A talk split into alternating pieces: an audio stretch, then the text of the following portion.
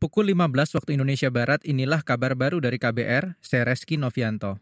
Kita ke berita pemilu. Kabar pemilu. Ketua DPP PKB Luluk Nur Hamidah menyampaikan belum bisa memastikan jadwal deklarasi pasangan Anies dan Caimin. Sebab sore ini PKB bakal menggelar rapat pleno di Surabaya, salah satunya membahas tempat serta format deklarasi yang bakal dilakukan.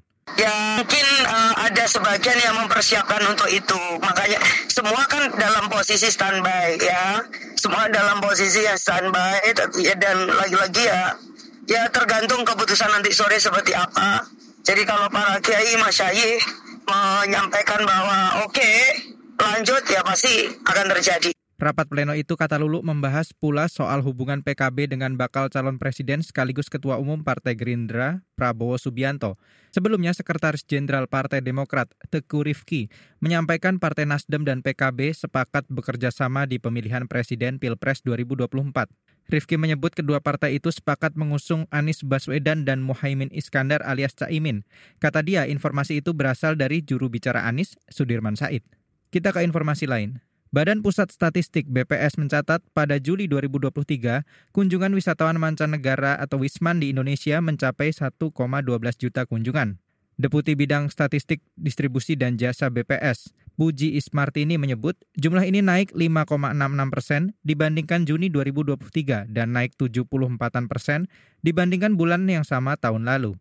Kemudian total kunjungan Wisman hingga bulan ke-7 tahun 2023 ini terlihat sudah lebih tinggi daripada total kunjungan Wisman sepanjang tahun 2022 lalu, yaitu mencapai 107,19 persen. Namun meskipun sudah lebih tinggi daripada total kunjungan Wisman tahun lalu, total kunjungan Wisman di bulan Juli 2023 ini terlihat masih lebih rendah dibandingkan periode yang sama di tahun 2019 atau yang uh, pada kondisi sebelum pandemi.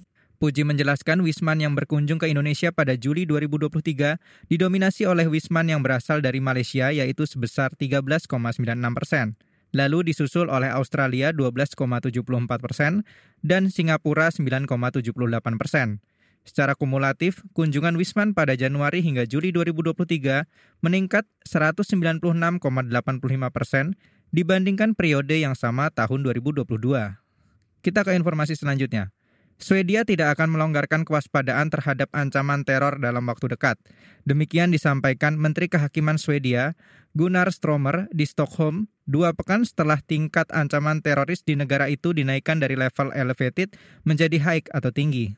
Mengutip antara, langkah peningkatan keamanan tersebut diambil pasca serangkaian demonstrasi publik di Swedia melibatkan aksi pembakaran Al-Quran, memicu kemarahan dan protes di negara-negara muslim.